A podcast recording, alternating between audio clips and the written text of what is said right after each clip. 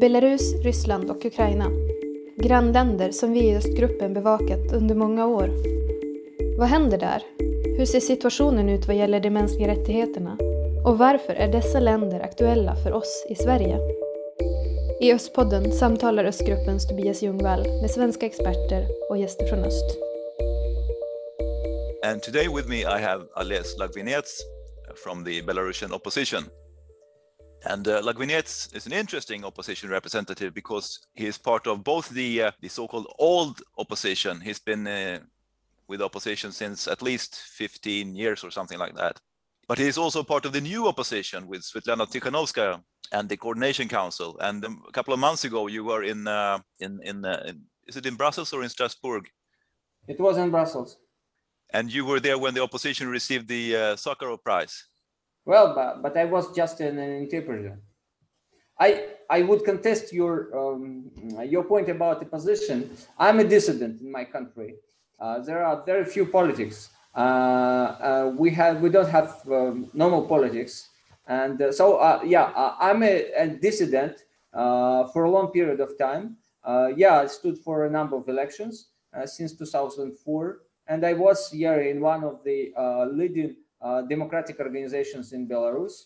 But uh, I think that uh, the opposition now is Lukashenko and his regime uh, to the Belarusian people, because uh, there is, uh, I think, majority of Belarusians that want Lukashenko to to quit and well to leave Belarus alone. And surely, especially now, the regime is um, is in the minority situation. Still, an armed uh, Uh, aggressive minority can uh, hold power for uh, some period. But uh, well, to some extent, the, the, it's a, a, bit new situation. Uh, well, it's a new situation for Belarus. and yeah, well, I, have been experiencing different situations. well, um, along the political development of my country, while there were periods of sanctions and kind of detente between uh, the uh, the regime and the democratic countries, especially the EU. Uh, and uh, well, but from the very beginning of the regime, I knew that uh, uh this regime was contrary to democratic, was against democratic values and was moving in a wrong direction. And from the beginning, you're talking the mid 90s. Yeah, from 1994 well, I, I was uh, in 1994. I was 22, and uh, I was even uh, suggested to join Lukashenko's team. I said no because I uh, read what he said and uh, I knew who, whom he was at that time.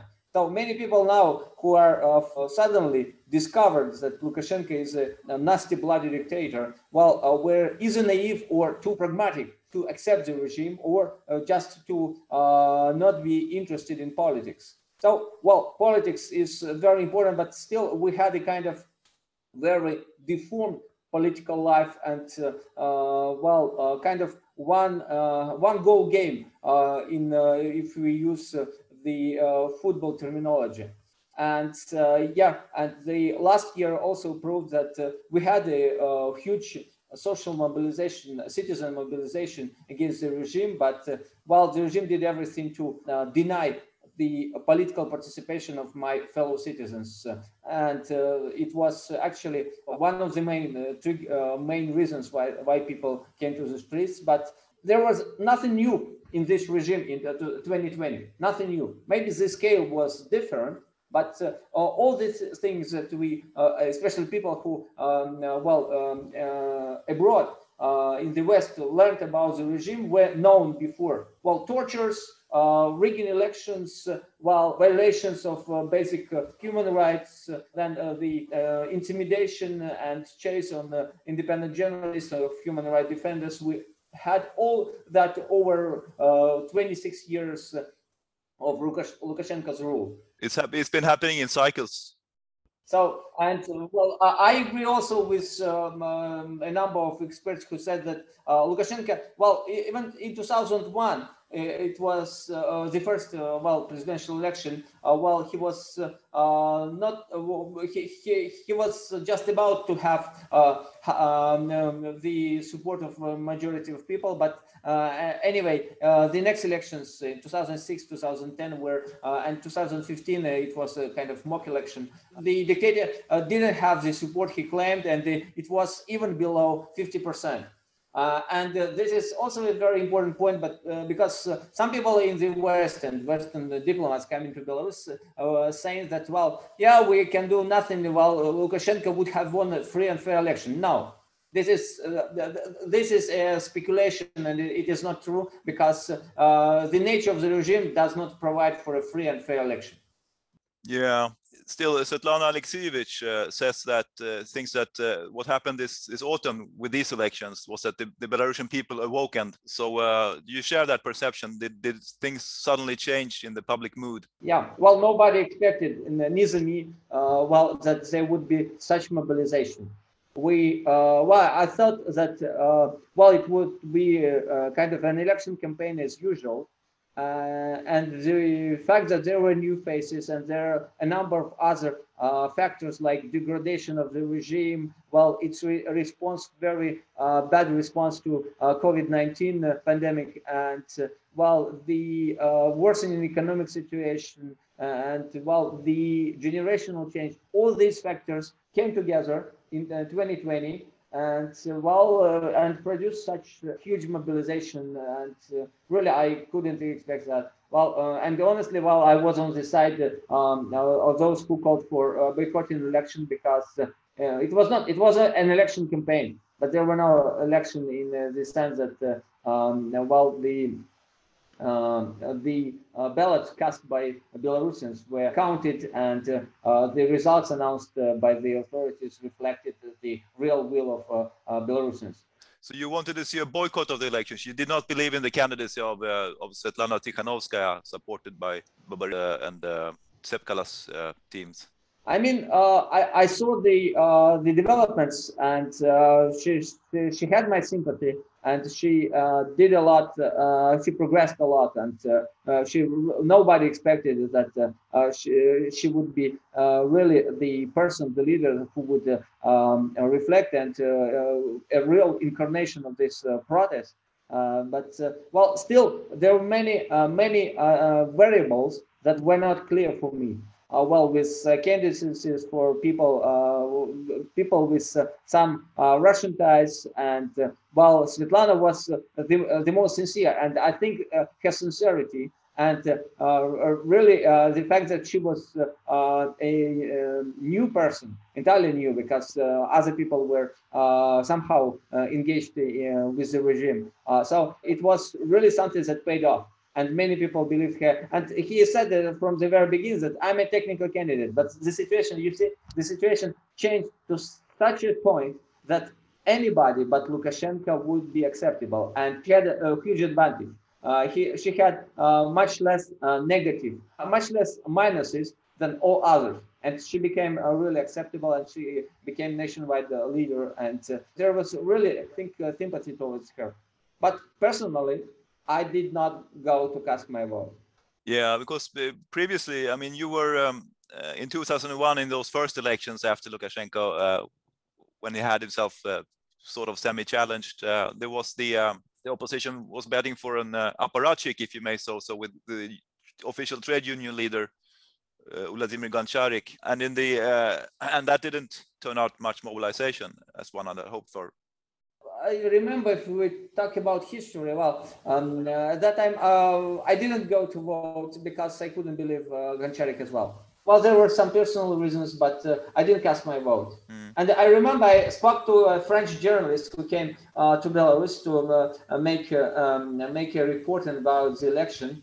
And uh, what he did, he de- he went to the village of Goncharik at that time in Lahoisk district, he, he went alone without me. We just talked. I was at that time a lecturer in politics uh, at the um, uh, university. So, but he explained me uh, why there would not be, uh, would no be, uh, be uh, would be no revolution. people in his own in Goncharik's village were not much aware and well, it was not uh, the fact that he was the leading candidate even in his own village. So uh, people were rather reluctant and not very uh, enthusiastic about his candidacy. And uh, for me, it was also a very good proof that, uh, uh, well, um, this, but however, the election, this election results were also rigged uh, by, by the regime.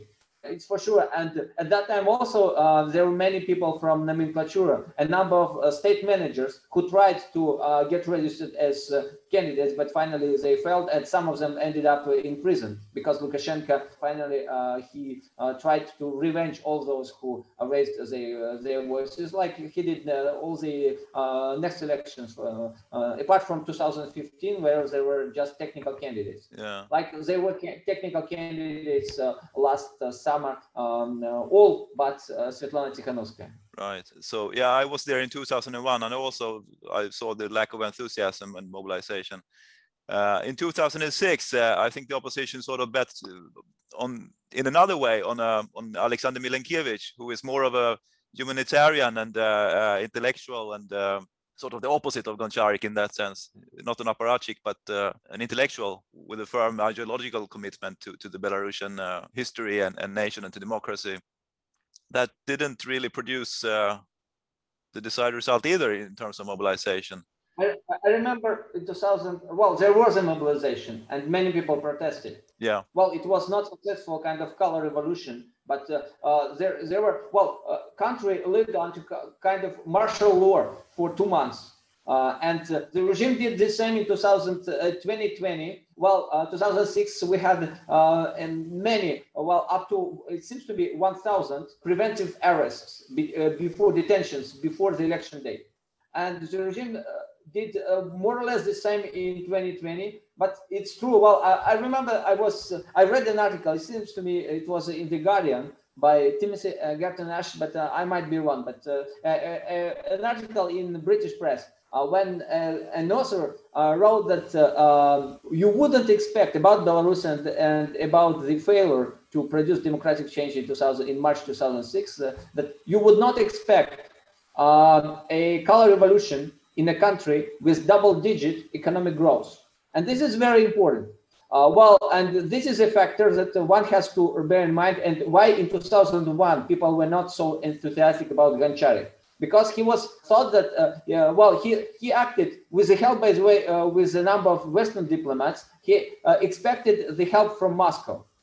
And well, what was in 2006 a very important variable was that the regime got uh, very uh, uh, preferential, it seems to me, the lowest over the whole history, the lowest uh, prices for oil and gas from Russia and Russia was after uh, Ukraine uh, 2004 uh, revolution and uh, change, uh, uh, well, democratic change. Russia and Russia actually was supporting Yanukovych, and Russia lost this election. So Russia was ready to pay whatever price to keep Belarus within its grip and well, the democracy has not succeeded in Belarus because one of the major reasons because Russia has been for years since the very beginning uh, the main sponsor of Lukashenko's regime. And this Russian support goes not to the Belarusian people, but by Lukashenko.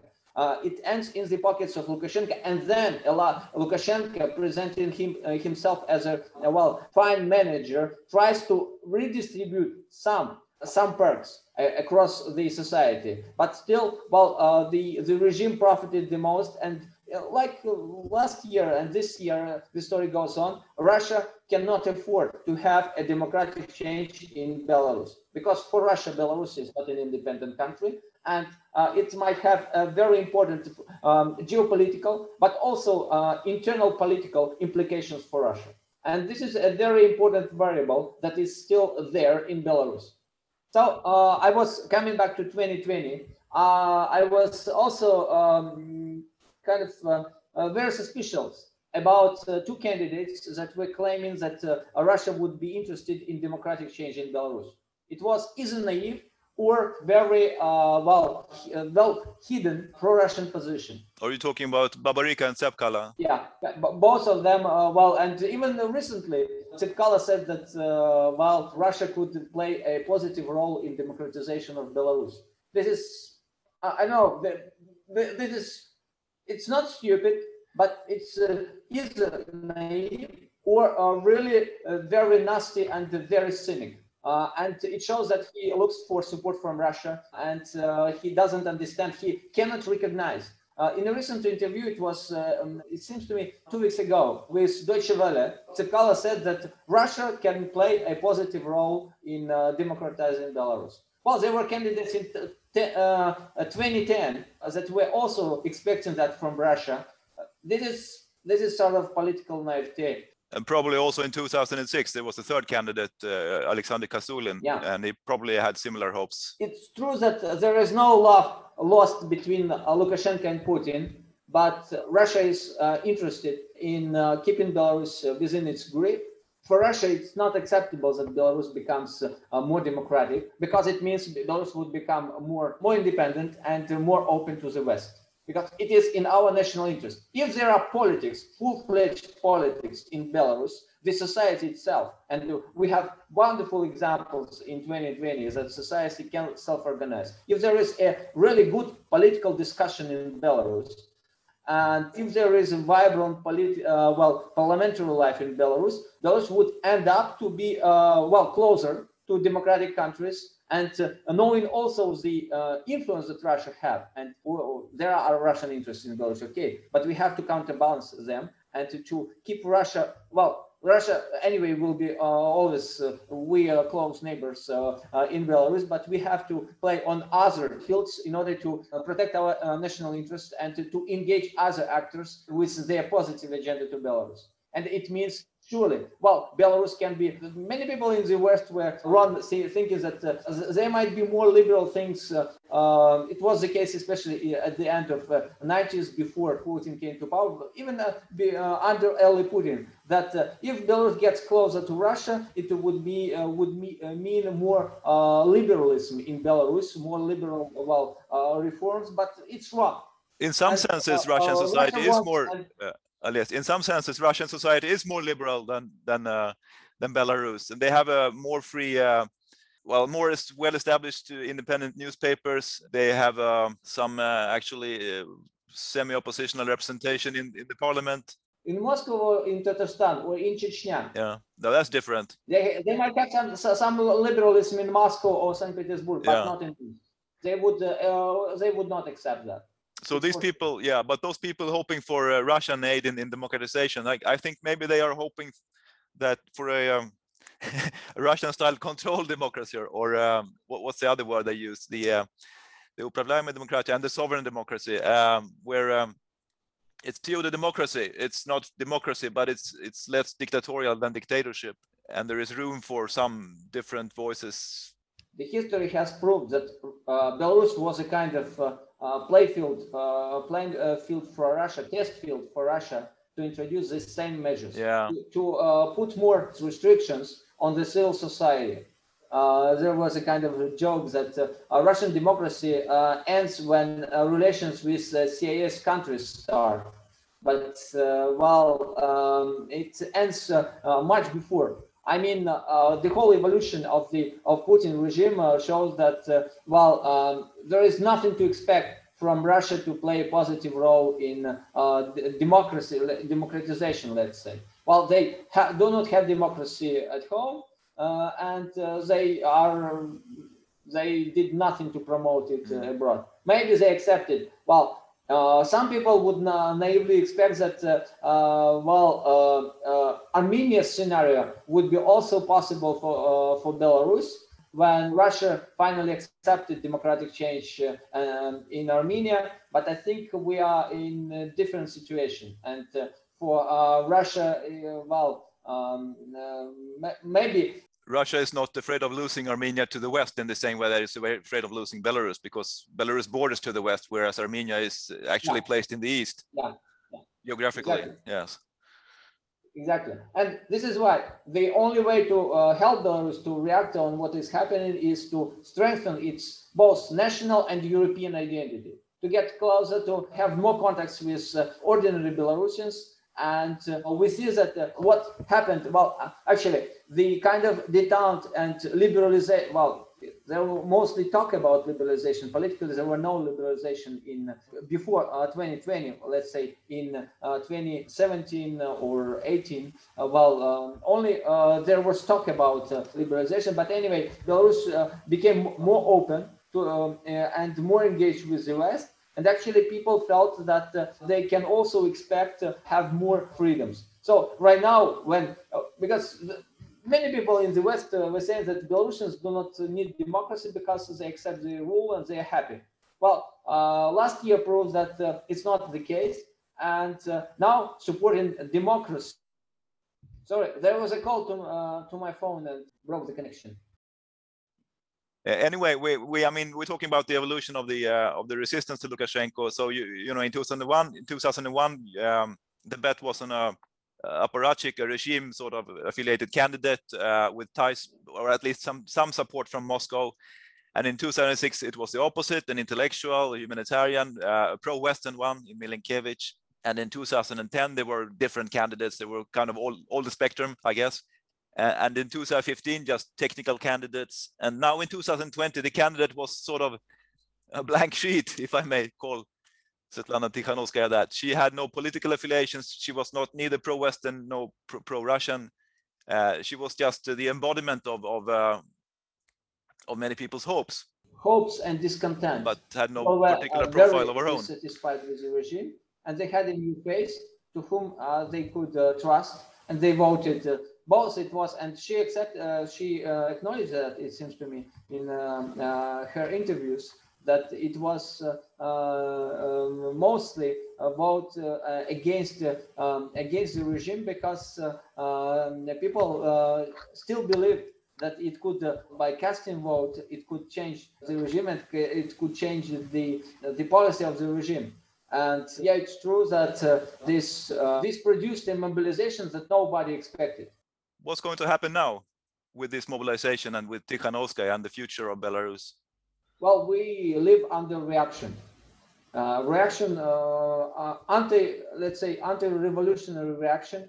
Uh, well, we uh, experienced as a nation an unprecedented crackdown, uh, well, violent response brutalities, and so far it seems like the regime managed to calm down the situation. Still, people, uh, many people are uh, dissatisfied. Well, uh, the street protest is uh, much smaller, and uh, well, the scale of repressions is uh, really tremendous. We have the similar population as Sweden. Can you imagine that 30? well, I think it's already is going to 30, 35, five, at least 33,000 uh, people being arrested, detained, uh, put into prison, or um, uh, imposed fines. And uh, apparently, there is a database on all these persons, and those who were detained twice at least uh, now are being permanently harassed or intimidated. They are being called, called to the investigation committee and so on. So the regime is getting, to some extent, preventively prepared to a new wave, possibly new wave of protests Nobody knows whether it will happen or not. But uh, there are expectations that uh, in uh, uh spring there would be uh, more protest activities. Well, we will see uh, how it would be. But anyway, the regime tries to get prepared. They change the legislation, even if before they, they had a very free relation to the to the law. So, as Lukashenko said, that you can violate the law if necessary and uh, many of uh, siloviki, so-called uh, law enforcement uh, agencies, use that. And there were even talks about kind of con concentration camps. All this is all, all this shows that the regime is um, primarily relying now on brutal force yeah, there were some talk of, of uh, building some sort of camps, concentration camps. Uh, I guess if they would uh, have to arrest more people than they have the capacity to to uh, keep in in detention centers. Yeah, yeah. In the ordinary detention centers. We will see what happens in spring when the weather gets warmer. Perhaps it will be uh, if this protest can pick up again, or uh, if it's over for this time, and yet another cycle of of the sort we've been describing will await Belarus or not? What is different, however, well, the internal legitimacy, I think, of the regime has been uh, uh, entirely lost. And uh, well, uh, maybe as I mentioned, 2006, uh, many people were not interested in politics because they were better off. I mean, uh, the they had there was an economic growth and there was kind of deal between the regime and majority of the society. The regime saying you do not uh, engage in politics, you don't put your nose into politics, and uh, we would allow you to uh, improve your living standards. And uh, now it's uh, no longer the case because uh, people first saw the real face of the regime, all the brutalities, and the second, there are less and less of a pie that the regime can redistribute to the society. So there are more and more economic economic problems, uh, Russia still, well, subsidizing the uh, regime with uh, this time loans, not uh, just uh, gifts uh, to Lukashenko, kind of as reduced prices for oil and gas and other stuff. But still, well, the, the regime cannot expect that we would have, like in 2000, I don't know, five, six, now almost 10% economic growth. It's impossible well, uh, we have economic stagnation, yeah. and uh, people understand that this, um, it's not because of COVID nineteen; it's uh, because of economic uh, choices made by the regime. Mm. We cannot predict when dissatisfaction and uh, uh, really with the regime would produce another mobilization. But uh, well, anyway, uh, the I think that uh, as you mentioned, uh, Svetlana Alexeyeva is saying about uh, uh, awakening of the Belarusian society. I think it's impossible already to put entirely this society to a sleep. It might be well, they oh, um, the regime. Well, we have in history the situation Uh, let's say, uh, when a minority uh, ruled for uh, some periods of time. We have recently had a case of uh, um, uh, um, Burma, Myanmar, where the military reintroduced maybe coup and reintroduced military rule. We had we have history also of South Africa, where uh, minority uh, uh, minority rule lasted for some period of time and only change of geopolitical uh, situation produced uh, well made the white uh, white minority to accept well the obvious so we will see what would be happening in Belarus. But anyway, there would not be Western intervention in Belarus. Russia, there is threat of Russian inter intervention if there is democratic revolution, and there is also another uh, uh, important thing that still the regime could uh, now count on the uh, mostly on the loyalty of uh, the um, of the Siloviki of the, the police and security personnel yeah. Yeah security forces and this is a, a, minority a minority military rule and with um, no rule of law and with still support of Russia so we'll see how the, it would evolve. Uh, right now, I think that the West uh, should uh, continue to show solidarity with the Belarusian people, and at least in medium term, investing in democratic future of Belarus is would be also beneficial for the West itself, because it's not only moral duty, but it's also to it's also about expanding the space or the, the zone of uh, democratic and uh, uh, the demo values sharing friendly countries. And Belarus might be this after democratic change. So uh, that's some advice from Ales Lahvinets. Thank you very much for participating in our podcast and uh, good luck to you. Tack för att du har lyssnat på Östpodden. Om du vill veta mer om mänskliga rättigheter i Östeuropa Besök gärna Östgruppens hemsida och följ oss på sociala medier.